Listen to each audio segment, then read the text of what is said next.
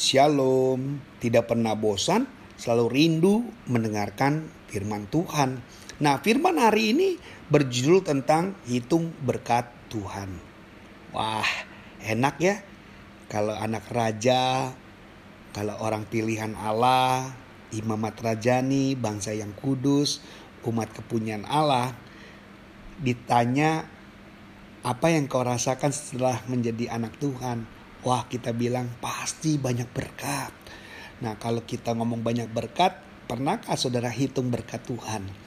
Wah ini pertanyaan yang sangat menarik. Hitung berkat Tuhan bukan sekedar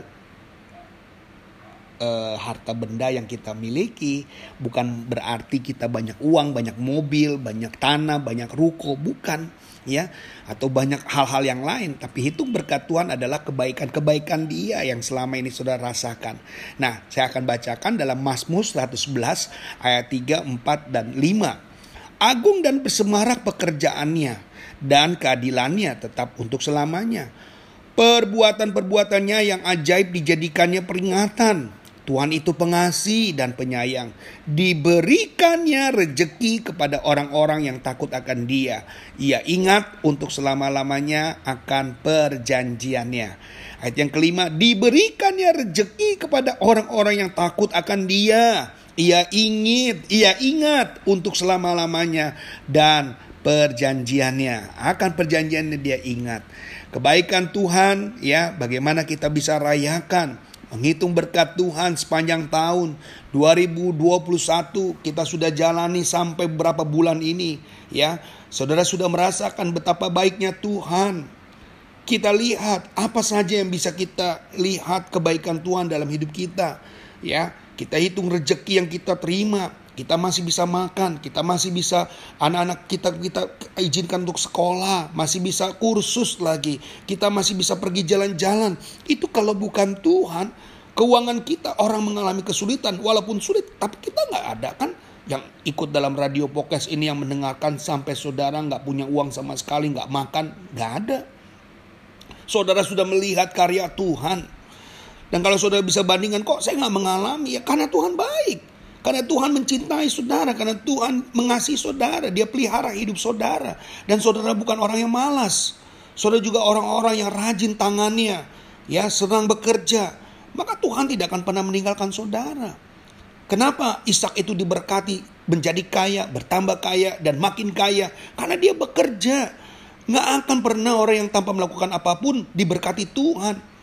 Jadi kalau kita yang sudah bekerja, maka Tuhan akan terus melatih kita untuk kita terima rejeki terus dalam kehidupan kita. Hitung juga bagaimana Tuhan mengasihi melihara kesehatanmu. Ya, banyak orang yang mungkin hari ini sedang dalam keadaan lemah, saudara-saudara kita yang ada dalam keadaan lemah, bukan berarti dia ditinggalkan Tuhan.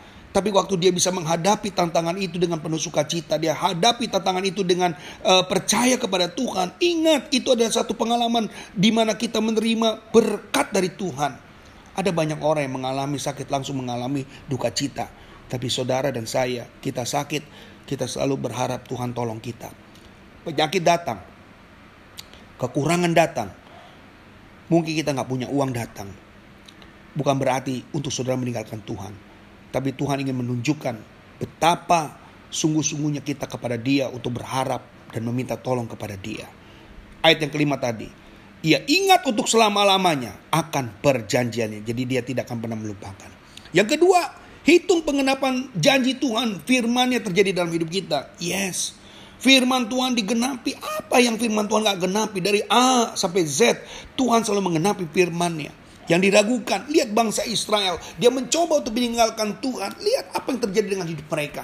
Tapi ketika mereka kembali semua kepada Tuhan dan mereka mentaati 10 hukum Taurat, apa yang terjadi juga? Ada banyak berkat-berkat yang terjadi, ada banyak berkat-berkat yang dilimpahkan. Tapi ingat, ketika dia meninggalkan Tuhan, ketika dia jauh dari Tuhan, yang terjadi adalah semua malah petangka Malapetaka demi malapetaka seiring dalam kehidupan kita selalu sering kali terjadi. Bukankah kita hari ini tidak mau sedemikian? Kita mau percaya kepada Tuhan, kita mau berharap kepada Tuhan, seorang penolong. Maka hari ini saudara, Tuhan selalu menggenapi janjinya. Dia selalu menggenapi firman-Nya. Apa yang disampaikan tidak akan ditarik kembali. Apa yang sudah disampaikan tidak akan pernah dia batalkan. Karena dia sayang dengan saudara. Maka hitung berkat Tuhan dalam hidup kita. Selain rezeki yang dia berikan kepada saudara, berkat yang dia berikan buat saudara, dia juga memberikan pengenapan akan janji firman-Nya. Yang ketiga, dia hitung berkat akan penebusan keintiman rohani saudara. Ingat-ingat ilahi yang daripada Tuhan, pertumbuhan dan kebenaran firman dalam iman kita, kedewasaan rohani kita juga diberkati. Saudara tidak mudah kecewa, saudara tidak pernah mudah untuk mundur dan tidak dikit-dikit merasa kepahitan. Ini adalah berkat rohani. Hidup saudara semakin menjadi dewasa.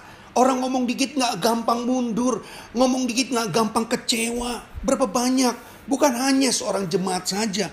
Banyak hamba Tuhan yang juga yang sering kali kecewa. Ketika orang bicara nggak puas, dia mundur, dia marah, dia tinggalkan Tuhan.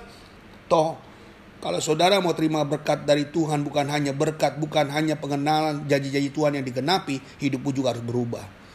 Pengenalan hikmat ilah yang dalam hidupmu juga harus berubah. Kalau ini tidak pernah berubah, maka engkau tidak akan pernah menjadi orang yang dewasa. Kedewasaan yang kita butuhkan bukan kedewasaan cuma dalam pikiran, tapi kedewasaan rohani iman percaya saudara kepada Kristus, bahkan juga iman ketatan kita kepada Kristus itu penting. Maka radio pocket ini kenapa selalu kita dengar? Radio pocket ini memberkati saudara. Lewat apa yang saya sampaikan, saudara mendengarnya, saudara harus berubah. Saudara harus berubah. Bukan cuma berkat materi, tapi berkat rohani pun harus mengubah hidup saudara. Jangan sampai saudara memang hidupnya diberkati Tuhan segala sesuatunya dipenuhi Tuhan, tapi gampang kecewa, gampang ingin meninggalkan Tuhan, gampang untuk berbuat yang salah, gampang untuk mundur. Nah, ini yang tidak dibutuhkan. Kita butuh orang-orang yang militan. Kalau saudara telah menghitung berkat Tuhan, dia bukan hanya secara pikiran diubah, tapi hati kita juga diubah. Bisa menerima firman dan tidak memilih-milih firman. Itu yang harus saudara tanamkan dalam saudara. Biarlah radio podcast ini menjadi berkat buat kita dan menjadi keintiman buat saudara dan saya. Terus maju, jangan pernah mundur. Karena Tuhan setia dan mengasihi saudara dan saya. Di masa-masa saat ini kita dibutuhkan kesetiaan yang serius dengan Tuhan. Ketatan yang serius dengan Tuhan. Supaya saudara kembali kepada Tuhan dengan serius juga. Puji Tuhan, Tuhan Yesus memberkati buat saudara dan kiranya Kristus boleh tetap menjadi kekasih buat jiwa saudara. Tuhan memberkati. Shalom.